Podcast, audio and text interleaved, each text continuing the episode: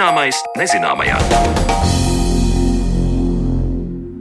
Esiet sveicināti ar jums kopā esmu es Sandra Kropa un skanēt sāk raidījumu zināmais nezināmajā, kas šoreiz pievēršas kosmoloģijai.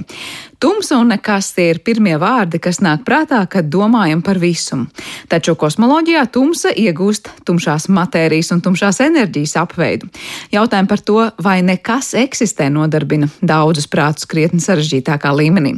Šodien raidījumā mēs skaidrosim šos jēdzienus un iepazīsim jaunus atklājumus, bet pirms tam tuvāk uzzināsim, kā radies mūsu pavadonis mēnesis. Teorijas par mēnesi izcelsmi ir vairākas. Ticamākā no tām ir 1975. gadā publicētā Planetārā zinātnes institūta pētnieku teorija par to, ka Pirms 4,5 miljardiem gadu, kad veidojās Zeme, tajā ietriecās milzu objekts. Pēc šī trieciena ap Zemi izveidojās putekļu un atlūza disks, no kura tad arī radies mēnesis. Kādi ir citi pieņēmumi un vai šodien ir izdevies izzināt ko jaunu par mēnesi rašanos, par to Zana Lāca Baltāksne izjautās astronomu Ilgoni Vilku. Laikam jāsāk ar to, ka mēs acīm redzot nekad neuzzināsim viennozīmīgi, kā mēnesis ir radies, jo tas notika 4,5 miljardus gadu atpakaļ. Un mums būtu vajadzīga laika mašīna, lai dotos pagātnē un šos notikumus novērotu. Bet vismaz pagaidām mūsdienu zinātne saka, ka laika mašīnas nav iespējamas. Tas nozīmē, ka varam spriest tikai par to, kā mēnesis un zeme izskatās tagad, un no tā attiecīgi secināt, kā tie varēja izskatīties šajā tālajā pagātnē. Zemes vienīgais dabiskais pavadonis mēnesis ir četreiz mazāks par mūsu planētu. Tas riņķo ap Zemi 27 dienās un 7 stundās. Uz mēnesis nav ūdens tvaiku, gaisa, vēja, nokrišņu, kā arī mēnesim nav atmosfēras, jo tā gravitācijas spēks ir pārāk mazs, lai noturētu gāzes molekulas. Tā kā uz mēnesi nav atmosfēras, tad cilvēkam tā ir pavisam nepiemērota vide dzīvošanai. Bet šeit uz Zemes, pateicoties šim pavadonim, mēs varam tikt klāt pie daudziem derīgiem izrakteņiem, un arī mēnesis paisumi un bēgumi ietekmē ļoti daudzu radību dzīves ciklu. Bet par to, kā mēnesis ir radies, es attālināti ierakstītā intervijā iztaujāju Latvijas Universitātes astronomijas institūta pētnieku, pedagoģijas zinātņu doktoru, astronomu Ilgoni Vilku. Līdz šim zinātnieki ir izvirzījuši četras teorijas par to, kā ir veidojies mēnesis. Trīs no tām ir atspēkotas kā neticamas.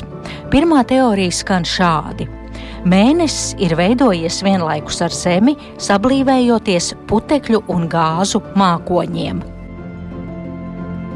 Pirmā tā pati senākā bija, ka jā, mēnesis veidojās vienlaikus ar Zemi, tad, kad veidojās visa Saules sistēma. Nu, piemēram, izveidojās planētas šajā riņķojošajā gāzu un putekļu diska apkārt topošajai zvaigznei Saulē, un tādi paši mazāki diski varēja būt arī ap lielajām planētām, piemēram, ap Jupiteru. Tā noteikti izveidojās četri lielie Jupitera pavadoņi. Bet, kas attiecas uz mēnesi, jautājums ir sarežģītāks, tāpēc, ka Zeme ir maziņa, un viņai tas disks, pat ja būtu bijis, būtu krietni mazāks, un tad mēs iztēlojamies, ka jā, tam materiālam, tad, no kura veidojās Zeme un Mēnesis, vajadzēja būt visam ķīmiski vienādam. Un zemē iekšā ir ļoti daudz dažādu metālu, gan dzelzs, gan niķels, un savukārt uz mēnesi šo smago metālu ir krietni mazāk. Tas bija varbūt viens no pirmajiem apsvērumiem, kas lika pētniekiem sākt domāt par to, ka mēnesis ir varbūt radies kādā citā veidā. Otrā versija Savulaik mūsu planēta ir griezusies tik ātri, ka mēnesis ir no Zemes sadalījies gabaliņš. Lūk, šādas eh, teorijas par to, ka gan planētas atdalījās no ātri rotējošas Saules, gan Mēnesis varbūt atdalījās no Zemes, bija ļoti populārs tieši pirms simts gadiem. Bija tāds amerikāņu astrofiziķis James Džīns, kurš popularizēja šādas te idejas. Bet pēc tam arī rūpīgāk jau veicot aprēķinus, šī ideja tika noraidīta, jo tādā gadījumā Zemē sākotnēji vajadzēja rotēt daudz ātrāk. Pēc vērtējumiem, starp citu, zināms, ka tajā laikā, apmēram, kad mēnesis veidojās, Zeme rotēja ļoti ātri. Jā. Vienas dienas garums bija kaut kāds 4 līdz 5 stundas, salīdzinot ar mūsdienu 24 stundām. Bet vienalga tas bija nepietiekami, lai Zeme no sevis kaut ko centrapēdas efekta dēļ varētu izsviest ārā. Tad viņai vajadzēja griezties vēl, vēl daudz ātrāk. Nu, līdz ar to arī šī teorija tika noraidīta. Trešā teorija vēstīja, ka Zemei garām ir lidojis kāds debesu ķermenis, un to piesaistīja Zemes gravitācijas spēks. Tā sakot, ka Zemē garām lidoja kāds liels debesu ķermenis, nu, tas pats mēnesis nākamais, un ka Zeme viņu noķēra. Mēs zinām, ka šādā veidā ir lielās Saules sistēmas planētas, Jupiters un Saturns, noķēruši sev tādus mazus satelītus, kas riņķo ap tiem pa dažādām orbītām, gan tajā pašā virzienā, kur planētas griežas, gan arī pretējās, bet tie ir maziņi asteroīdi.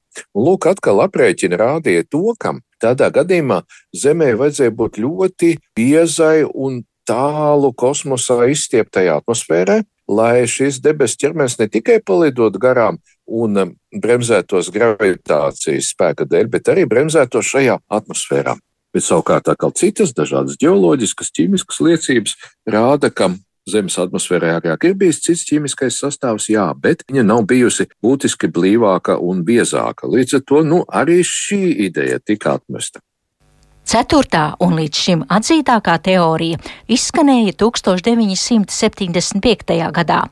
Proti, savulaik Zemē ir ietriecies liela izmēra, apmēram Marsa lieluma objekts, un šī trieciena rezultātā ir radušies atlūzu gabali un izveidojušies par mēnesi. Lūk, šī teorija tiešām parādījās jau salīdzinoši sen, varētu teikt, manos puikas gados, bet tolaik tā vēl nebija sevišķi populāra dominēja kāda no tām, no kurām mēs jau nu pat runājām. Un tikai pakāpeniski jau apaugot ar papildu argumentiem, ar papildu aprēķiniem, šī teorija jau ieguva tādu kā dominējošo raksturu.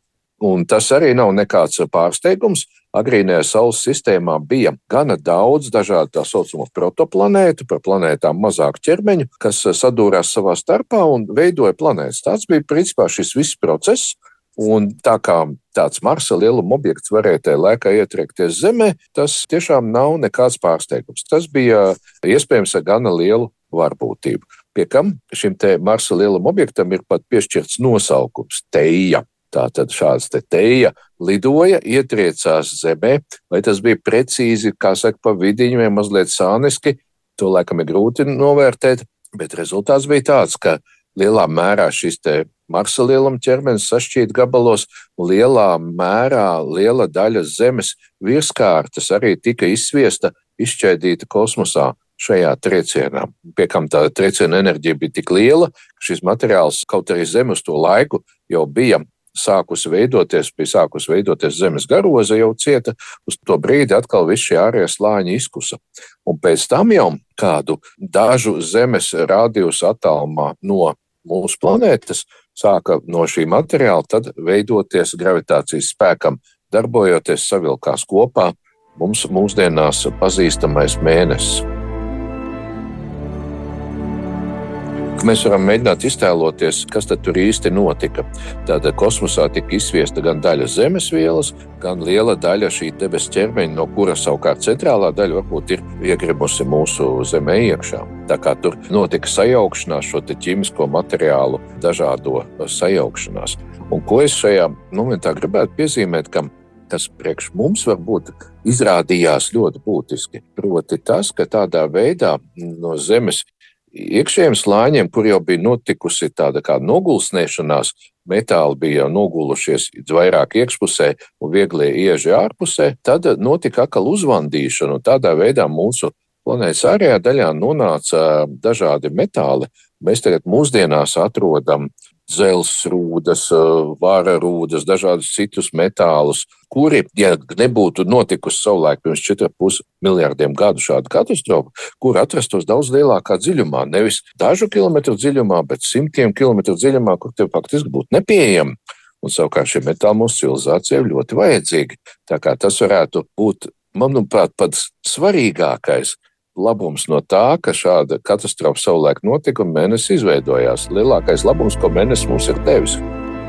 Taču tie nebūtu nav vienīgie labumi, ko mēs šeit uz Zemes iegūstam no mūsu pavadoņa. Arī klimatu ietekmē mēnesis. Par to turpina Ilgonis Vilks. Ir mazliet cits stāsts par to, kāds Zemē ir labums no mēneša. Tie labumi ir visādi. Tā kā Zeme ir tāda kā dubulta planēta, mēnesis ir tikai četras mazāks par Zemi, un rīķo mūsu planētai salīdzinoši tuvu. Līdz ar to mēnesis stabilizē mūsu planētas griešanos. Viņš stabilizē Zemes asas noliekumu. Tad, kad mēs raugāmies uz skolas geogrāfijas globus, mēs redzam, ka viņam tā asa ir slīpa. Šis asas līpums ir tas, kura dēļ mums mainās gada laiki. Un šīs asas līpums var būt lielāks vai mazāks, un atkarībā no tā būs izteiktākas gada laiki vai mazāk izteikti. Atsakot, klimata pārmaiņas notiek, ja mainās zemes asas līpums. Un, lūk, mēnesis ir tas, kurš šo mēnesi asas līpumu notur saprāta robežās, ja tā varētu teikt. Viņš mainās ilgstošā laika gaitā, vairāku simtu tūkstošu gadu laikā, bet eh, ne ļoti daudz. Un lūk, eh, šo apgalvojumu, kuru izvirzīja 20. gadsimta 90. gados, tagad pēdējā laikā sāk apstrīdēt, ka, ja mēnesis nebūtu, tad zemes asas svārstītos vairāk, bet ne tik ļoti daudz vairāk, ka tas eh, nu, ļoti radikāli ietekmētu mūsu klimatu. Līdz ar to šeit zinātnieks domas sāk dalīties, vai mēs iztiktu bez mēnesis, vai viņš mums tomēr ir ļoti nepieciešams. Līdz šim jaunas zinātniskas teorijas par mēnesi nav pierādītas, bet stāsta noslēgumā par Zemes pavadoņa rašanos astronoms Ilgons Vilks smaidot piedāvā vēl kādu ļoti nezinātnisku versiju par mēnesi.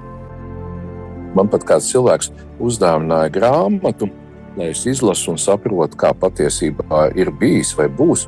Proti, šajā grāmatā ir apgalvots, ka mēnesi nākotnē izgatavos Zemes civilizācija, kas būs ļoti attīstīta, jo tas mēnesis, kā jau mēs šeit runājam, ir ļoti noderīgs un novietos to mēnesi pagātnē. Priekš mums, mūsu vajadzībām, lai viņš stabilizē mūsu klimatu. Tur gan ir visādas loģiskas pretrunas šajā idejām, bet uh, nu, gribējās to arī pieminēt. Acīm redzot, nākotnē klimats uz Zemes būs tik slikts, ka nāksies izgatavot mākslīgu mēnesi, nosmēja mans sarunu biedrs. Tik jautājums ir, kā un kāpēc tas būs jāsūta atpakaļ uz pagātni.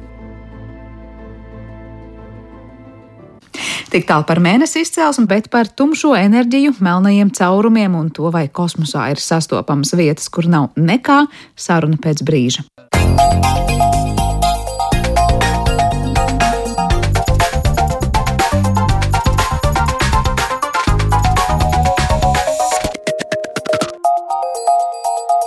Zināmais nezināmajā.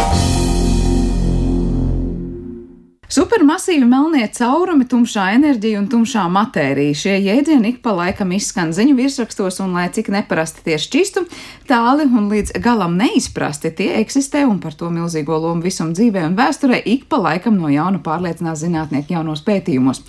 Šodien raidījumā vairāk iepazīsim to, kas notiek šajos melnajos caurumos, vai tiesa, ka tie varētu būt ražotnes tumšai enerģijai, un vai galu galā visumā eksistē nekas. Tāpēc sveicu studijā Kārli Dreima. Freimana, Rīgas Tehniskās Universitātes augstas enerģijas daļiņu fizikas un pātrinātāju tehnoloģiju centra direktoru, arī Latvijas zinātnieku komandas eh, CERN vadītāju, kā arī Andris Lavīnski. Andris ir Tartūnas Universitātes asociētais profesors. Labdien! Sveiki! Sveiki.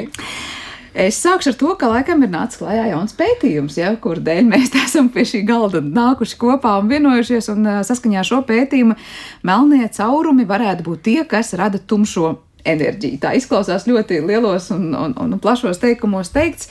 Nezinu, jūs man tā dīvaini skatāties, liekam, kaut ko pārlieku vienkāršojām. Pastāstiet, kas īsti ir atklāts un kas, cik nozīmīgs ir šis pētījums. Par to tad pēc tam parunāsim. Andris, sākšu. Jā, es uh, varētu sākt ar to, ka pirms dažām nedēļām, uh, kad uh, parādījās jauni rezultāti nu, zinātniskajā telpā un mediju telpā, tad uh, es domāju, varbūt šī būtu lieta, par ko mēs varētu runāt, lai gan nu, diezgan izaicinoši runāt par kosmoloģiskām tēmām. Tā nav uh, mana joma, bet katrā ziņā es esmu par to interesējies, esmu kosmoloģijas entuziasts un, protams, uh, skatoties uz visu vēsturi un uz visu attīstību, tad uh, tumšā enerģija ir viena no tām lietām, kur, par kur ir visvairāk jautājumu, jo mēs to īsti nevaram tvert, mēs to īsti nevaram novērot. Tā, tas ir vienkārši tāds vispārīgs nosaukums tam procesam, ka visums turpina izplesties un tas izplešanās ātrums pie tam palielinās. Un uh, tam dažādi zinātnieki dažādās jomās ir devuši dažādus terminus. Tātad tumšā enerģija, vakuma enerģija, kosmiskā konstanta, ko Einsteins ieviesa.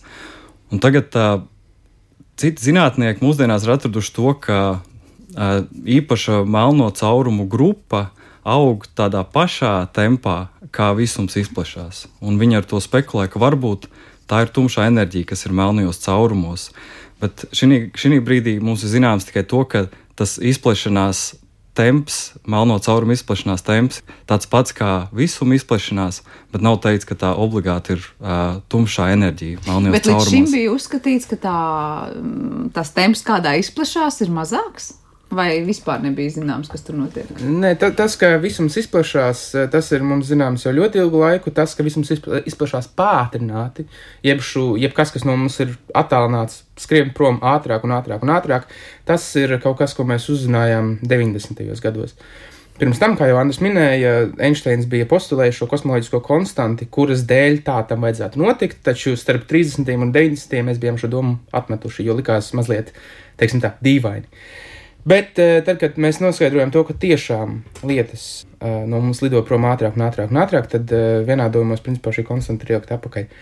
Un tad runājot par to, kāpēc mēs to saucam par tumšo enerģiju, arī gluži kā Anna jau minēja, tā ir netverama tādā ziņā, ka mēs varam novērot kaut ko, ko tā radītu, tātad šo attālināšanos un pātrināšanos, bet mēs nevaram nekādā veidā tieši izmērīt vai, vai ielikt spainī šo, šo tumšo enerģiju. Un līdz ar to mēs to saucam par tumšu, jo mēs to neredzam un nesaprotam. Un uh, varbūt atgriežoties pie tā sākotnējā jautājuma par tiem lielajiem supermasīviem melniem caurumiem, tad ir tā, ka tumšo enerģiju rada vienkārši visuma eksistence. Tātad, jebkurā vietā, kur ir visuma audekls, tā to varētu nosaukt, tad visums eksistē, tad šajā vietā rodas tumšā enerģija, taču melnajos caurumos šī visuma vienkārši ir drusku vairāk. Ja mēs iedomājamies piltuvi, tad piltuves iekšējais laukums ir daudz lielāks tādā ļoti šaurā vietā, jo viņi vienkārši ir koncentrētāki. Un tur ir vairāk un vairāk šīs uh, visuma audekla un supermasīvos uh, melnajos caurumos, kuros mēs nevaram ieskatīties un tiešām nezinām, kas tur notiek. Visums varētu būt samazglots, mazglu, mazglos un būt samrušķēts papīra gabals. Un tad, jau, ja joprojām viss šis papīrs rada tumšo enerģiju, tad šādā piltuvē, šādā, šādā papīra bumbiņā ar, ar visumu šī enerģija vienkārši rodas vairāk. Var tā teikt, ka visam, kas mums ir matērijā, nu, redzams, taustāms, nu, ja mēs iedomātos ikdienā, būtu tāda kā neredzamā ēnas puse, un tā ēna būtu tas, tā tumšā enerģija, kas tur ir, var teikt, nu, nu ja ir 5 kg vienā pusē kaut kā, tad ir jābūt kaut kam daudz pretējā pusē tikpat. Tas ir vairāk, ja mēs runātu par matērijām un antimatērijām. Šajā gadījumā mēs runājam par uh, pilnīgi citu fenomenu, no kā sastāv mūsu visuma matērijas un enerģijas sastāvs. Jā, vis, visa, kā mēs parasti to liekam šajā saucamajā kūkas paičārtā, tad, ja mēs to ripu iedomājamies, tad šajā ripā vien 5% ir redzamā normālā matērija, aptuveni 20, bišķi vairāk ir, ir neredzamā, jeb tumšā matērija, un tad visu pārējo veido, veido šī tumšā enerģija, par ko mēs vairāk šobrīd runājam. Lūk, te mēs nonācām pie tā jautājuma, ko es gribēju precizēt, jo mēs bieži piesaucam šos te tumšā matēriju, tumšā enerģiju. Nu, es domāju, lielākā klausītāja ļoti bieži to vienkārši liek vienos, vien, vieno, vienā katlā un vienos vārtos. Tad beig beigās sanāk tā, kas ir tā tumšā matērija? Tā būtu tā antimatērija vai negluži? Nē, nē, to laikam tā teikt nedrīkst. Nē, nē, tā, tā, tā būs šoreiz cita lieta. Ar matēriju un antimatēriju mēs saprotam mums zināmās, visas tiešām zināmās un saprotamās daļiņas. Tātad tas ietilpst šajos 5% no mums redzamā. Tātad visas zvaigznes, galaktikas, putekļi, pilnīgi viss galds, pie kā mēs šobrīd sēžam, mēs paši pilnīgi viss tiek veidots no matērijas un antimatērijas. Tas ir normālās redzamās daļiņas. Un tā antimatērija būs redzama? Uh, jā, jūsos arī apēdam banānu, mūsos uzreiz parādās kā līdz 40, kā līdz 40 sabrūk ar pozitīvo beta sabrukšanu, parādās pozitrons, tā ir antimatērija. antimatērija mm -hmm. To var nomērīt aparātā. Absolūti, jā. Mm -hmm. Tie ir tie 5%, labi, tad tajos 20 ir tā tumšā matērija, un kas tad sanāk tā ir? Nu, Andri. es nesen par to pats uh, mācījos, un man, es, es atzīšu to, ka es pats nu, li, lielu daļu no savas zinātniskās karjeras uh, par tām tumšām lietām īpaši nedomāju. Un tagad es nu, sāku to likt tādās kategorijās, kurās es pats to saprotu. Galvenais, ko es sapratu par tumšo matēriju, to, ka tā atstāja uh, gravitācijas vai laiktelpu lieces efektu. Tātad uh, mēs to varam novērot uh, tādā veidā, ka tas izmaina to, kā piemēram galaktiskā nu, galaktiskā skala, galaktiskā līmenī orbitālā mehānika nestrādā tāpat, kā tā strādā uh, Saules sistēmas līmenī, piemēram. Bet tā tumšā matērija ir klātesoša visur, arī Saules sistēmā, arī ārpus Saules sistēmas, arī visur, kur vai kā. Ja, ja, ja tur kaut kas strādā, nestrādā atbilstoši tam, kā. Tas ir ļoti labs jautājums. Tā kā tumšo matēriju mēs novērojam, kā jau Anna minēja, galvenokārt starp caur gravitācijas efektiem, tad mēs to vislabāk varam novērot tieši lielajos izmēros. Mazajos izmēros mēs to vienkārši neredzam, taču pa lielam, ja šie tumšās matērijas modeļi, kāda mums ir, ir uh, vismaz tuvu patiesībai, tad uh, jā, tumšā matērija ir visur. Tikai tā ir gluži kā parastai matērijai, ir uh, gluži kā piena makaronu zupā ir gan piens, gan makaroni. Viņi ir visur, bet drusku citur biezāk, drusku mazāk biezi. Nu, tur, kur mazāk biezi, tur grūtāk ieraugām. Jā, viennozīmīgi. Jā. Jā, Andris, laikam, gribēja pabeigt vēl domu par to uh, skaidrojumu ar to tumšo matēriju tumšo nu, nu enerģiju, nu jā, kur mēs nošķiram, kas var, ir kas. Varbūt es varu pie, pie, piebilst to, ka viens veids, kā mēs novērojam uh, gravitācijas efektus kā visumā, tad mēs skatāmies, kā galaktikas, melnie caurumi un nu, vispār masīvi objekti, kā tie izliec laiktelpu, un tas tiek parādīts kā gravitācijas lēcas. Uh, Un tagad, kad uh, James Webb Space Telescope ir jau nu, uzņem ļoti daudz attēlus, un, un regulāri mēs redzam šīs gravitācijas lētas, un tas kļūst par, man liekas, ļoti spēcīgu veidu, kā analizēt to, kā analizēt masīvus objektus visumā.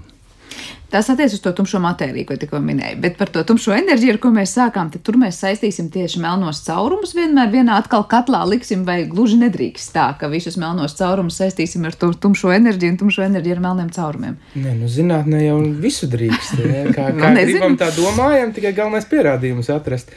Um, ne, nu, šajā gadījumā ir tā, ka tās matērijas lietas un enerģijas lietas ir drusku jāšķir arī tumšumā. Uh, Šeit vienkārši nosaukums abām ir tumšais, bet kā jau es minēju citās reizēs, tad fiziķi ir cilvēki, kuri, kad nesaprot, tad tā arī saka, ka nesaprot un ir tumšs, un mēs nezinām. Tad tādā ziņā viņas abas ir tumšas, bet enerģija no matērijas tomēr atšķirās diezgan nopietni. Un šajā gadījumā, kad mēs runātu vairāk par matēriju, mēs tiešām runājam vairāk par daļiņu fizikas elementiem, tad mēs domājam kvantu lauku teoriju līmeņos, kad mēs runājam par tumšo enerģiju, mēs domājam vairāk kosmoloģiskā standarta modeļa, nevis daļiņu fizikas standarta modeļa ietvaros, un mēs vairāk domājam par ģenerālo vispārējo relativitāti un tām lietām, tad mēs pieejam no otras puses. Bet arī cita lieta, ko es kādreiz jau varbūt minēju, ka, ja mēs skatāmies uz fiziku kā tādu, kā fundamentālo fiziku, tad to mēs varam veidot pakavu veidīgu. Tātad nevis pilns aplis, bet pakavs. Un uh, viena pakāpja pusē būs kvantu mehānika un daļiņa fizika, un otrā pakāpja pusē būs kosmoloģija. Tad tā un, enerģija un matērija būs tumšās jā, abas, katra savā pakāpē. Un tas pusē. tiecās uz to atbildi tam pakavam tajā savienojošajā vietā, bet mēs tur vēl neesam tikuši. Bet šis pētījums, ar ko mēs sākām šo raidījumu, tātad par šiem melnajiem caurumiem un tur kas kā cik ātri pātrināti izplatās un rada vai nerada to tumšo enerģiju.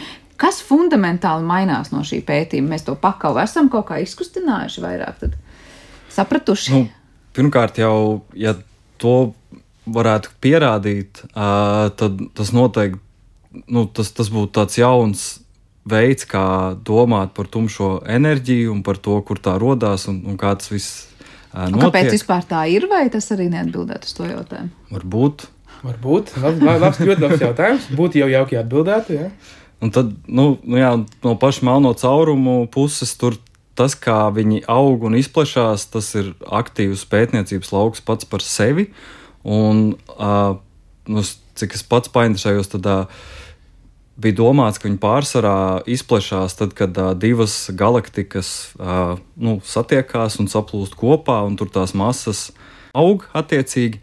Un, bet ir pēc tam arī redzami novērot dažādi citi procesi, kuros uh, varbūt lēnāk, bet tik un tā tie, tie melnie caurumi aug. Un, attiecīgi, tagad mums sanāk, kad mēs paņemam visu tumšāko fizikas pusi un tad to saliekam kopā ar melniem caurumiem, un, un, un abās šī, šīs jomās ir ļoti uh, atvērti fundamentāli jautājumi. Tās pakauts vietas, kuras vēl nesatiekās. Pagaidām jautājumu atbildžu nav. Jā.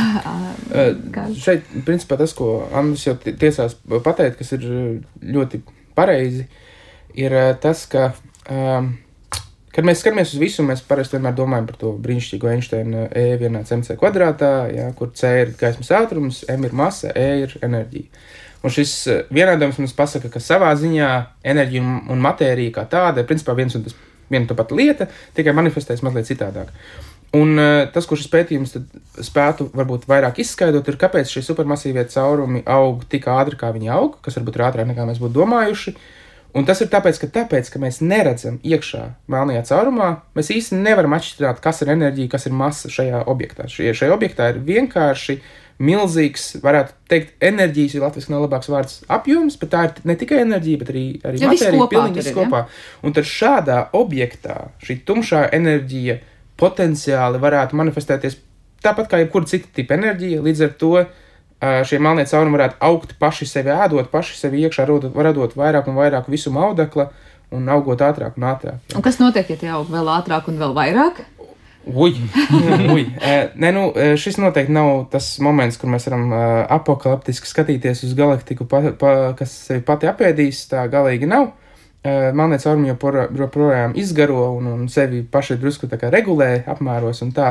Bet šīs jau šeit mēs ienākam tajā brīnišķīgā spekulāciju zonā, kur nu galīgi labs kosmologs varbūt spētu atbildēt labāk, bet mums kā uh, cilvēkiem, kas ir mazliet pietuvināti, bet ne gluži šajā lauciņā, uh, jāsaka tā, ka uh, es domāju, ka šis nekādā veidā nemaina to paradigmu, to domāšanu par melniem caurumiem vispārēji. Tas vairāk maina mūsu domu tieši par to, vai mūsu uzskati par tumšo enerģiju un par to, kā viņa rodas visumā, ir plus mīnus pareizi. Jo šajā gadījumā tas varbūt pasaka jaunas lietas, bet tas pasaka jaunas lietas drīzāk kā skatīties uz to pašu objektu no citas puses. Tad šobrīd mēs vairāk apstiprinām to, ko mēs domājam, vai, vai apgāžam. Mēs apgāžam daudzus uh, melno caurumu būvēšanas modeļus drusku, bet mēs vairāk apstiprinām tieši to tumšās enerģijas faktu kā tādu. Jo gala beigās tumšie paliek tumši, tas nozīmē, ka, lai arī mums liekas, ka lietas ir tā un tā, līdz kamēr mēs noķersim pavisam rociņā kaut ko, mēs varbūt nevaram pateikt, kas tā tiešām ir. Par to noķeršanu rociņā es gribēju prasīt, kā šis atklājums vispār ir tapis, un es saprotu, tur ir tā arī kritika, vai ne, šim, šim, šim, šim atklājumam, un tad kā to pārbaudīt, un kā to, nezinu, mērīt, eksperimentēt, nu nezinu, vai tas ir iespējams. Andri, sākšu ar to. Jā, nu, pirmkārt, jau kā es sāk, sākumā teicu, un es atgādināšu, ka uh, pētījumā tiek runāts par to, ka uh, melno caurumu izplešanās temps, ātrums atbilst tam, kā uh, izplatās visums, un, uh, un, un šīs saistības, nu, tā, tie skaitļi ir ļoti tuvu. Bet tā ir tāda hipotēze, vai tas ir kaut kāds, es nezinu, novērojums uz citu modeli, uz citu Nu, mērogu? viņi viņi kas novēro vienkārši- melnos caurumus un redz, ka tie aug līdzīgā tas ir tempā reāli, kā visums. Saka, visumā novērots fakts. Jā, Jā, mm -hmm. jā, jā. Un, bet tā ir jau spekulācija, vai mēs to augšanu, to melno caurumu augšanu tiešām varam saistīt ar uh, nu, to visumā pātrināšanos un izplešanos. Bet kā šādas lietas pārbaudīt? Nu, labi, mēs tagad novērojam, ka vispār izplatās vai, vai aug, ja? bet, bet kas ar ko ir saistīts? Nu, Es nezinu, tam mums nāk tālāk kaut kāds atkal uz zemes esošas tehnoloģijas, kas citā mērogā mums ļauj palīdzēt pārbaudīt kaut kādu domu pareizību. Tātad arī, jau, kā Andris minēja, tad principā šis uh, pasākums uh, nozīmē, ka mēs apskamies uz melniem caurumiem un pārbaudām vai iz, izsakām hipotēzes, kas mums ļauj pārbaudīt citas lietas šajā gadījumā, to šo tumšo matēriju un kā tā varētu būt veidojusies un tā tālāk. Tā joprojām. Un uh, šī sasaiste starp melno caurumu veidošanos kā tādu un tādu melno caurumu iz- izaugsmi, augšanu uh, un, un tumšo enerģiju, šī sakne nebija nekad īsti veikta, jo tā tiešām ir spekulatīva. Šobrīd pavisam noteikti. Bet tā kā eh, šis mērījums saka, ok, ir līdzības starp varbūt tumšās enerģijas rašanos, tātad to, kāds ir mūsu galaktiku, šāds saucamies redshifts, latviski tāda sarkanā nobīde, jā. Um, un, un, un kāds varētu būt šis tumšās enerģijas apjoms visumā, un kā aug šie lielie melnie caurumi, tur ir kaut kāda potenciāla sasaiste. Nu, ok, tagad ir interesanta hipotēze, un tagad citi, kuriem ir entuziasms, var sākt šīs lietas Bet mērīt. kā to mērīt un pārbaudīt? Uh, Andris jau minēja Jamesa Weba uh, šo kosmisko teleskopu, uh, mūsu jauno ierīci, kas uh, orbitē Lagrange punktā divi. Tas ir. Es Jā, nezināšu, jā. paldies. Nezināšu pareizi atbildēt. Uh, var izmantot šo teleskopu, veikt vairāk un vairāk mērījumus tieši skatoties uz, uz, uz melniem caurumiem, uz galaktiku centriem. Um, šeit ir jāatcerās to, ka teleskops ir viens, un lai arī cik superīgs viņš arī nebūtu, uh, teleskopam ir laiks skatīties dažādos virzienos un pētīt dažādus objektus, tik cik laiks viņam ir. Un līdz ar to šis dod iespēju citām tādām note noteiktām pētnieku grupām teikt, mums jāprioritizē šie un tādi mērījumi, lūdzu, skatāmies tur, lūdzu, vāciet datus tur, tur un tādā garā. Un tas tā varētu arī notikt. Līdzīgi, jebkurš cits teleskops, kas spēj novērot galaktiku centrus, var turpināt to darīt. Jā. Mēs varam uh, savākt daudz informācijas, un šajā gadījumā informācija būtu par melno caurumu apjomiem, tieši izmēru ziņā un masas ziņā, kā arī par to rotācijas ātrumu, par to, kā zvaigznes rotē ap tiem un tā tā tā joprojām. To visu mēs varam turpināt novērot. Un drīzāk šajā mirklī ir jautājums teorētiķiem, klau, vai šī sasaiste patiešām tāda varētu būt. Uztaisiet lūdzu mums modeli, kas mums varētu šo paredzēt, un mēs turpināsim vērot un dodiet mums lietas, kas mums jāierauga. Jā, ja, ja dod laiku, ko vērot un uh, iespējas to darīt, bet kāda ir šobrīd kritika šim pētījumam? Vai ir vairāk tā kā tie, kas pasaka, jā, mēs skatāmies un domājam, ka tur ir tās hipotēzes izteiktas diezgan ticam un pareizs, vai vairāk zinātnes pusē ir to, kas saka, nu pagaidiet, pagaidiet, tur varbūt ir pārāk ātri izdarīt secinājumi vai hipotēzes. Es domāju, kā zinātniekam un arī pašiem pētījumu veicējiem jau ir jābūt skeptiskiem uzreiz un jāsaprot, kāda ir tā to rezultātu limitācijas. Viena no tām ir tā, ka viņi skatās uz specifisku grupu melniem caurumiem, un viņi pieņem to, ka tiem melniem caurumiem nevajadzētu augt, tāpēc ka parastā matērija tur piekļūst. Un šis ir viens, nu, tas jau ir pašā sākumā izdarīts lēmums un izteikta, iz, izteikts pieņēmums, kurš pats par sevi var būt nepatiesis. Un, ja skatās tīri uz statistisko pusi, tad tas efekts ir jāatrod arī citos melnajos caurumos, un to jāspēj nošķirt no citiem veidiem, kā aug masa tajos, vai nu, tā, to, to izmērs aug. Principā uh, tumšās enerģijas komponentē ir jākļūst par daļu no kaut kāda modeļa, kurā tas viss dara iekšā. Un, kā jau Kārlis minēja, šobrīd tāda modeļa vienkārši neeksistē. nu, varbūt, varbūt būs, bet kā jūs redzat, kādi ir nākamie soļi tālāk, gan pēc šī pētījuma vai šajā lauciņā, nu, kas tagad ir sarosījušies kaut kādi atkal citi pētnieki, kas savukārt arī pievērsīsies vairāk šiem jautājumiem, vai tas ir tāds, nu, daži pie tā strādā, un kad kaut ko interesantu atklāja vai izdomā, tad mēs par to uzzinām. Kā jau minēju, tas droši vien visvairāk atkarīgs no tā, ko darīs teorētiķi. Ja teorētiķi spēs atrast kaut kādus modeļus, kuru, uz kuriem balstoties uh, eksperimentālās grupas pasaulē spēs uzrakstīt projektus, iegūt finansējumu un veikt pētījumus, tad tas tā arī turpināsies. Uh, te ir vairāk tas uh, arī par pašu pētījumu un par tā kritiku. Uh, Uh, nav gluži tā, ka cilvēki teiktu, ka te kaut kas uzreiz ir absolūti nepareizi vai absolūti aplams, bet mēs esam tiešām šajā hipotēžu un spekulāciju momentā. Un mums ir jāsaprot, vai šī sastāvdaļa patiešām eksistē. Izteikt hipotēzes uh, arī nepareizas ir, ir ļoti labi. Tas ir zinātnisks process, un tā tam būtu jābūt. Ir vienkārši jāspēj tās atlaist vaļā, ja tās mm. parādās nepareizas. Un te var Tas angliski parasti sakām, correlation does not imply causation. Tad korelācija nenorāda uz to, ka ir kaut kāda izsekojamība vai savienotība starp objektiem. Piemēram, teiksim, saulainā laikā, ja līs lietus, ir varavīksnes un augstsēnes. Mēs varam izteikt hipotēzi, ka tāpēc, ka augstsēnes ir varavīksnes. Tas nav tas pats. Tas notiek vienlaicīgi, ir kaut kāda korelācija, bet šī hipotēze būtu nepareiza. Nu, sēnes rada varavīksnes. Un šeit ir līdzīgi. Mēs izsakām hipotēzi, ka nu, ne mēs, jāsaka, godīgi. Šie brīnišķīgi autori, kuriem mums nav nekādas saistības, izsaka šo hipotēzi, ka klau, iespējams, mēs varam modelēt šo supermasīvo melno caurumu augšanu līdzīgi, kā mēs modelējam tumšās enerģijas apjomu visumā, veicam pētījumus un skatāmies, vai tas tā tiešām būs. Varbūt nebūs, bet tā ir laba ideja. Jā, bet tā ir zinātnē, lai tā ir zinātnē. Neatņemama sastāvdaļa. Andris sarunas sākumā teica, ka šī ir tāda īpaša melno caurumu grupa. Varbūt var nedaudz ieskicēt par to, cik dažādi ir tie melnie caurumi un cik dažādas grupas un apakšgrupas vai, vai kā citādi dalījumi pastāv vispār saistībā ar melniem caurumiem un ar ko tie atšķiras.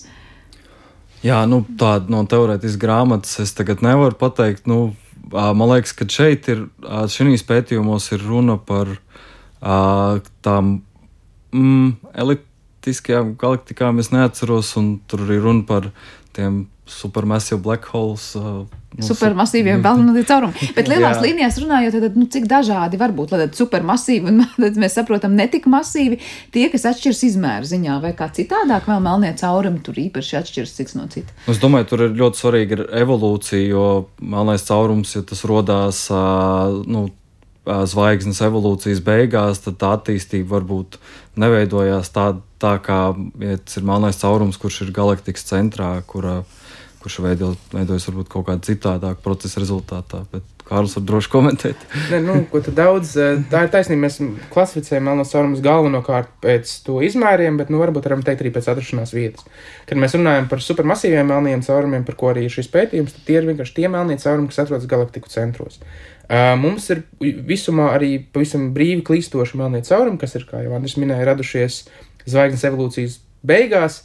Un tie gluži vienkārši ir daudz, daudz, daudz vieglāk. Ja mēs iedomājamies Sauli, mums, mūsu zvaigznes Saule ir eh, aptuveni desmit reizes par vieglu, lai veidotu melno caurumu savā, savas dzīves beigās, tā kļūst par balto punduri vai, vai kamēr aiziet cauri visiem. Un tad vēl tas būs tas mazais melnos caurums. Jā, nu, nu, skatīsimies, skatīsimies, kā būs pēc tiem pieciem miljo, miljardiem gadu. Um, bet uh, tāda mūsu saule nekad neradīs šādu supermasīvo melno caurumu, ka mēs runājam par supermasīvajiem, mēs runājam par miljoniem, miljoniem sauļu. Uh, sauļu? Saules masām. un, un, un līdz ar to tad, uh, tie ir tie, kas atrodas šie monētas, kas atrodas galaktiku centros. Un kāpēc šis pētījums ir tieši par tiem? Ir tāpēc, ka mēs tos varam novērot daudz. Uh, Vieglāk ar tātad mūsu optiskajām metodēm. Mums ir tagad nesen, nesen, nu jau desmit gadu drīz būs riņķī, bet nesen jauna metode, kā novērot monosaurumus, tā ir um, gravitācijas viļņu astronomijā. Ja? Tad mēs ar šo varētu novērot arī monosaurumus, kur, par kuriem mums ir daudz mazākas nojausmas kaut kur. Uh, Bet uh, šis pētījums ir konkrēti par šiem uh, elektrisko galaktiku centros esošajiem. Un tur, kad mēs runājam par šīm elektriskajām galaktikām, šeit gan mēs, gan, gan es, gan Andris, pilnīgi noteikti īsti nesapratīsim. Tur tos visus norādes par to, Z ir lielāks par viens vai mazāks par viens vai nulle. Tur kosmologam būtu jājautā. Bet, jā. nu, mēs vēl jau mazāk klausoties, sapratīsim, par ko jūs tur mēģināt tikt skaidrībā. Bet vēl viens jautājums, ko es noteikti šajā sarunā gribēju aktualizēt, un jau pieteicu tā sākumā, nu, protams, kad mēs dzirdam to melnais caurums vai, vai, vai tumšā matērija un enerģija un viss kopā tad nu, tāds ar kosmoloģiju un fiziku nesaistīts cilvēks uzreiz domās, vai tas ir kaut kāds liels tukšums, vai vispār kosmosā ir tāds tukšums un nekas. Kā ir ar to nekas? Visumā ir tāds nekas, tukšums, vai tukšums ir nekas. Atkal nākamais jautājums. Uh, kosmosā, Kārlis, sākšu ar tevi. Šeit ir interesanti, ļoti, ļoti interesanti, ko jūs minējāt par to, ka vai melnais caurums ir tukšums. Man liekas, cerams, ka reiz interesanti ir absolūti uh, pretēji tukšumam. Man liekas, armā ir tāda enerģijas apjomi uz, uz kubikcentimetru, ka iedomāties. Tā tas ir uh, visu audums, ja tur ir sasaucts. Tieši tā, tad man, man liekas, cerums ir principā tā ir gravitācijas aka, ja vienkārši ļoti smags objekts, ap ko citu objektu varētu riņķot, tāpēc, ka tas rada šo tātad, enerģijas apjomu ļoti mazā uh, tilpumā. Tā ir melnēs āruma pilnīgi noteikti nav lietas, ko mēs sauktu par enerģijas vai kaut kā trūkumu. Tas ir absolūti pretēji, as, a, asimptomātiski pretējs uzdevums.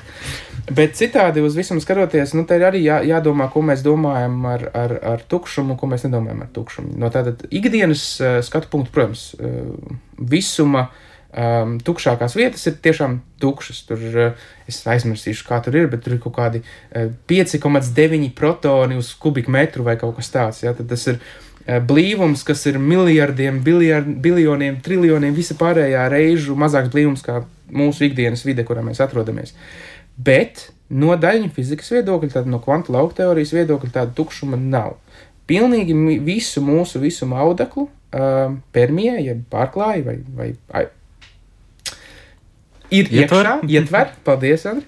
Um, dažādi kvantu lauki, un tad tie būtu fermionu kvantu lauki, kas ir mūsu daļiņas, e, vai bozonu e, kvantu lauki, kas ir mūsu spēka nesēji, tie ir visur un vienmēr. Tā skaitā mūsu mīļākais šobrīd ļoti, joprojām, paldies Dievam, ļoti aktuālais X lauks, tas ir pavisam, pavisam visur. Un līdz ar to, jebkur visumā, pat vistukšākajā punktā, ir kaut kāda tā saucamā nulles punkta enerģija visiem šiem laukiem. Un līdz ar to, jebkurā punktā ir um, ne nulles iespējamība, ka parādīsies, pieņemsim, elektronu un pozitronu pāris un izgaisīs uzreiz.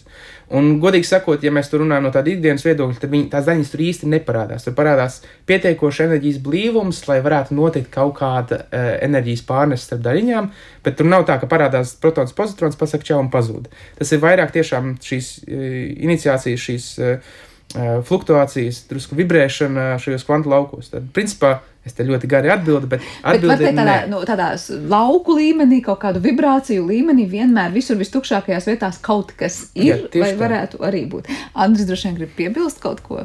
Uh, nu jā, šīs tēmas ir ļoti, ļoti interesantas, un uh, es sākumā tā vispār gribu piebilst to, ka fiziķi un, un zinātnieki kopumā parasti dzīvo nezināmajā pasaulē. Cilvēki no malas skatās uz zinātni, kā tā, tā, tā ir tā nozara, tā vieta, kur atrast atbildes. Bet, ja godīgi fiziķis ceļās no rīta un domā, kas ir tas, ko es nezinu, un attiecīgi ir kaut kādi bijuši fiziķi, kuri sāk skatīties uz visiem tiem kvantu efektiem, kas arī ir ļoti fascinējoši, manuprāt. Un daži no tiem ir uztaisījuši eksperimentus, kurās šīs spontānās daļiņas pat var uz vienu brīdi noķert. Mēs varam nomērīt to enerģiju, ko viņas rada. Un, ja mēs to nedarītu, tad tā enerģija pazust. Un no enerģijas nezudamības likuma puses vai no principa puses, tad šī enerģija parādās uh, no nekā. Un tad, tad mums ir gan kosmoloģijā ar tumšo enerģiju, gan kvantu mehānikā, mums ir efekti, kuros parādās jauna enerģija. Un mums īsti nav saprotams, no kurienes tā nāk. Un, nu, es to sauc kā gan arī paralēls visums, un ar to es nedomāju, ka tur ir kaut kāds paralēls Andris un Kārlis, kur iet un dara citu fiziku. Bet ar to es domāju, ka fizikiem vēl nav īsti saprotams, kas tur notiek. Un tāpat kā mums nebija kā, ar tiem gravitācijas viļņiem, tas visums saprotams un kļūst nedaudz saprotamāks tagad. Tad es domāju, ka arī tā tumšā enerģija un arī vakuma enerģija varētu nākt no kaut kāda visuma, kuru mēs varam apgūt lēnām, kaut kā netieši mērot un varbūt vairāk saprotot, kas notiek. Jā, vēl te Andris tikko piesauc šo te no, parādās no nekā. Tas ir parasti nu, vārdu savienojums, pie kura mēs visi sarausamies un sakam, kā no nekā var būt kaut kas. Un gan filozofi pie tā, pie tā strādā, gan es domāju arī fizikā, vai ne šis jautājums nav nekas jauns. Tad patiesībā mēs nevaram teikt, nu, kā no nekā, jo kaut kur vienmēr kaut kas kaut kādā pilnīgi mums netvaramā līmenī ir. Tā drīkst. Tieši tā, tad visumā neeksistē punkts, kurā nav šo kvantu lauku. Tas, protams, jāieliek kavieta. Ka, nu, varbūt mūsu izpratne par to, kā ir uzbūvēts mūsu daļu fizikas modelis vai kosmoloģiskais modelis, varbūt tas viss ir pilnīgi nepareizi. Gluži kā notika ar Newtonu mehāniku, uh, kad uh, parādījās vispārējā relativitāte, tad Newtona mehānika kļuva, teiksim tā, nepareiza, bet tas nav gluži patiesi, ka tā ir nepareiza, tas vienkārši aproksimācija. Jeb konkrētā enerģijas režīmā, konkrētos ātrumos, konkrētās uh, masās, visā pārējā Newtons strādā, bet tā nav fundamentāla teorija. Tad vispār relativitāte kļūst, par uh, fundamentālu teoriju. Bet par to rašanos no nekā mums ir varbūt jāiedomājas tādā vienkāršā veidā. Visi šie kvantu lauki, kas ir visur, mēs varam iedomāties kā neredzamas stīgas. Šajā gadījumā mēs nerunājam par stīgu teoriju, bet es vienkārši ņemu piemēru. Uh, tās ir neredzamas stīgas, kurās jebkurā mirklī var rasties ierosinājums. Tad vienkārši parādās drusku skaņa, drusku nocis, drusku ping. Ja, un tad šīs ir tās enerģijas, kas, kas rada daļiņas, un šīs daļiņas pazūd. Un, ja šīs ierosinātās enerģijas ir mazliet mazākas, mazliet zemākas nekā nepieciešams, lai radītu īstu daļiņu, tad rodas šīs virtuālās, virtuālā daļiņa pāri, kā elektrons un protons, jau, pozitrons jau, jau minētais. Un tas ātri parādās un pazūd, jo tas ir mazs enerģi, mazi enerģijas ierosinājumi šajā kvantu laukā, ar kuriem vienkārši nepietiek, lai tiešām radītu enerģiju no nekā. Tas ir, e, kad mēs runājam par kvantu mehāniku, mēs runājam par uh, varbūtībām. Tāda pilnīgi visur ir varbūtība rasties daļiņai. Gluži kā uh, un šeit es pārspīlēju, protams, bet vismaz teorētiski ir aprēķināma varbūtība ar ļoti, ļoti daudz nulēm aiz komata, pirms parādīsies viennieks, kas varētu iziet cauri sienai. Jo es sastāvu no kvantu daļiņām, siena sastāv no kvantu daļiņām, es varētu mēģināt iziet cauri. Nu, es domāju, ka mm, atkal triljoniem un triljoniem visuma uh, laika ciklu, visuma dzīves ciklu paiet, kamēr kaut kāds makroskopisks objekts iziet cauri citam makroskopiskam objektam. Tas ir principā neiespējami tādā ziņā, ka varbūtība ir par zemu, bet varbūtība eksistē. Un tad šeit pieņemsim arī, kāpēc Saule darbojās, kāpēc Saule kā zvaigznes spēja uzturēt uh, sevi degošu un vispār. Tur ir notiek šī kvantu tunelēšanās, jo ar saules masu nepietiktu, lai saule varētu tik veikli un forši dedzināt uh, ūdeņradu un hēliju, kā tā dedzina. Lai to varētu izdarīt, tur jātiek cauri šiem, uh, šīm elementāra daļām, jātiek cauri enerģijas barjerām, kas principā notiek caur tunelēšanos. Bet tur šī varbūtība vienkārši nav, tur triljoni aiz komati, ja tas ir, teiksim, varbūtība viens pret simts, ja nu arī minu vienkārši skaitli, bet varbūtība eksistē, ka šīs daļas tiek cauri tur, kur viņas varbūt, varbūt viņiem nevajadzētu tikt, un tad uz šīs kvantu mehānikas tur saule darbojas. Jā, sākām ar melniem caurumiem, beidzām ar to, kā saule darbojas. Es gribēju piebilst, ko. Jā, uh, nu par tunelēšanos es varu Kas tas vispār ir? Piebilst to, to, ka jā, es tieši gribēju teikt, ka tā ir tas tāds efekts, un es, es gan arī Wikipēdiju varu citēt šeit, ka, uh, ka fiziķiem liekas, ka daļiņa pārvar enerģijas li lielumu, kurai, kurai kur to it kā nevarētu pārvarēt. Un arī it kā mēs domājam Newtonu mehāniku, Un šajā gadījumā mēs, nu, mēs, mēs apskatām dažādas visumus. Mums ir Newtona visums, mums ir Einsteina visums, mums ir kvantu visums, mums ir kosmoloģiskais visums. Un, uh, un dažādos šajos modeļos ir uh, jau viņos iekšā notiek savādas lietas, un tā kā mēs viņus liekam kopā, mums īsti nav saprotams, kā to visu apvienot vēl. Jā, un tad paliek vēl interesantāk un nesaprotamāk visticamāk. Bet noslēdzot šo sarunu, kā jums pašiem skatoties uz to, kā šis visums ir uzbūvēts, un tīri tādā materiālā veidā mēģinot savā prātā salikt, nu, kas mēs esam, kur mēs esam, kā, kā, kā tas visums ir radies. Šāda veida pētījuma atklājumi jums vairāk rada to sajūtu, ka tā bilde kļūst skaidrāka, vai gluži pretēji, ka tur ir vēl vairāk neskaidrību, vēl vairāk nezināmo, un, kā saka, jāķer galvu kopā un jādomā, ko tagad, ko tagad domāt par to, kā tā pasaule ir uzbūvēta. Angliski atkal jāsaka, ir viens labs teiciens, kas ir It's always darkest before the dawn. Tad ir vistumšākais pirms saulēkta, tad pēdējais mirklis pirms saulēkta. Un līdzīgi ar jebkāda veida šādām teorijām, kas varbūt nāk arī no kaut kurienes, un varbūt ne, nezinot, ka tāda savienojamība starp melniem caurumiem un tumšo enerģiju varēja būt, sākumā ir tāda, nu, nē, nē, tur nebūs pareizi, ā, nu, varbūt, un tā, un tā. Līdz ar to tas, tas pirmais moments ir, hmm, tas rada vairāk neskaidrības, bet tas dod iespēju Uh, saprast, varbūt, kur skatīties uz kaut ko. Iepriek, no, no leņķa, ko iepriekš mēs nezinājām. Un tad vairāk skatoties no šī jaunā leņķa, tu sāc redzēt jaunas lietas, ko iepriekš neredzēji, un tas rada šo skaidrību. Tā kā principā mēs vienmēr runājam par to, ka jebkuram savu veidu revolucionāram, nu, varbūt, varbūt stipri evolucionāram uh, pētījumam un vai hipotēzei, tas pirmais uh, moments būs uh, neskaidrības radīšana. Jo tas varbūt liek, jaut, uzliek jautājumu zīmes uz citām lietām, ko mēs domājām, ka zinām. Bet ar to vairāk un vairāk skatoties, mēs labāk un labāk to savienojam ar esošajām teorijām vai spējam paskaidrot, kāpēc šī jaunā teorija vai jaunais modelis vai jaunā hipotēze var nevis apgāzt, bet papildināt to, ko mēs jau zinām, un tad tas kļūst gaišāks un gaišāks. Tā, tā kā šobrīd esam tajā posmā, kad pat ja liekas, ka tās krāsas kļūst tumšākas un sabiezinātākas, mums ir sajūta, ka būs labi. Tā ir cerība. tā ir cerība. Andri, vai būs kas vēl piebilstams? Jā, nu, zinātniskās metodas princips ir. Uh, izvirzīt hipotēzi, izveidot modeļus un tad meklēt datus un pierādījumus tam, ka tie modeļi varētu būt pareizi. Un jo vairāk datu, jo vairāk pētījumu, jo mēs palielinām savu nu, uzticamību tam, tam visam. Un šis ir tāds pētījums, kurš vienkārši mums kā, ieliek iedur tādu jaunu karogu un saka, šeit varbūt kaut kas notiek jauns, un tas ir saistīts ar tām daudzām lietām, kuras mēs īsti nesaprotam, kā tās savienojās fizikā. Uh, Mana personīgā sajūta ir, nu, ka mēs fizikā vēl nesaprotam kaut ko fundamentāli lielāku, un tāpēc šīs, šie dažādie visumi īsti savā starpā nestrādā. Varbūt nobeidzot, var piebilst to, ka fundamentālā fizika ir daļa no mūsu ikdienas, piemēram, lai GPS mūsu telefonos strādātu, mums jāņem vērā relativitātes efekti, un lai procesors strādātu, mums ir jāņem vērā, mums ir jāizmanto tie tunelēšanas efekti no kvantu mehānikas. Tā kā, nu, tās tēmas ir ļoti, ļoti tuvas mūsdienu tehnoloģiju pasaulē, un jo mēs vairāk zinām, jo mēs labāk orientējamies šajā Jo mēs vairāk, vidē. protams, gūstam arī tos labumus, ko mēs lietojam ikdienā, bet tas, ko tu teici, varbūt tiešām ir kaut kāds joprojām ļoti fundamentāls lietas, kas līdz galam nav saprastas, un tāpēc dažkārt liekas, ka ir tie puzles gabaliņi, kas kopā neiet vai ir ļoti, ļoti atšķirīgs cits no cita. Nē, nu, pilni cilvēki noteikti bija pārsteigti, tad, kad uh, relativitātes teorijas nāca ārā un kvantu mehānika nāca ārā, bet tagad tā ir daļa no mūsu ikdienas. Jā, tas laikam ir tā zinātnes neatņemamā seja, laika pa laikam skatoties uz lietām, kas ir jaunas un savukārt nepieņemamas kādā brīdī vai grūti pieņemamas pēc kāda laika kļūst par ikdienu.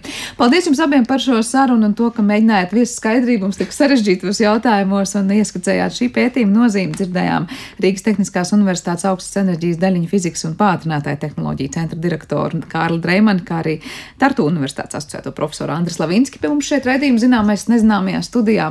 Par šo redzījumu parūpējās producenta Paula Gulbinska, mūzikas redaktors Girs Bišs, skaņu režijā bija Gunters Plūcis un studijā šeit es Sandra Kropa. Uz tikšanos! Vislabāk!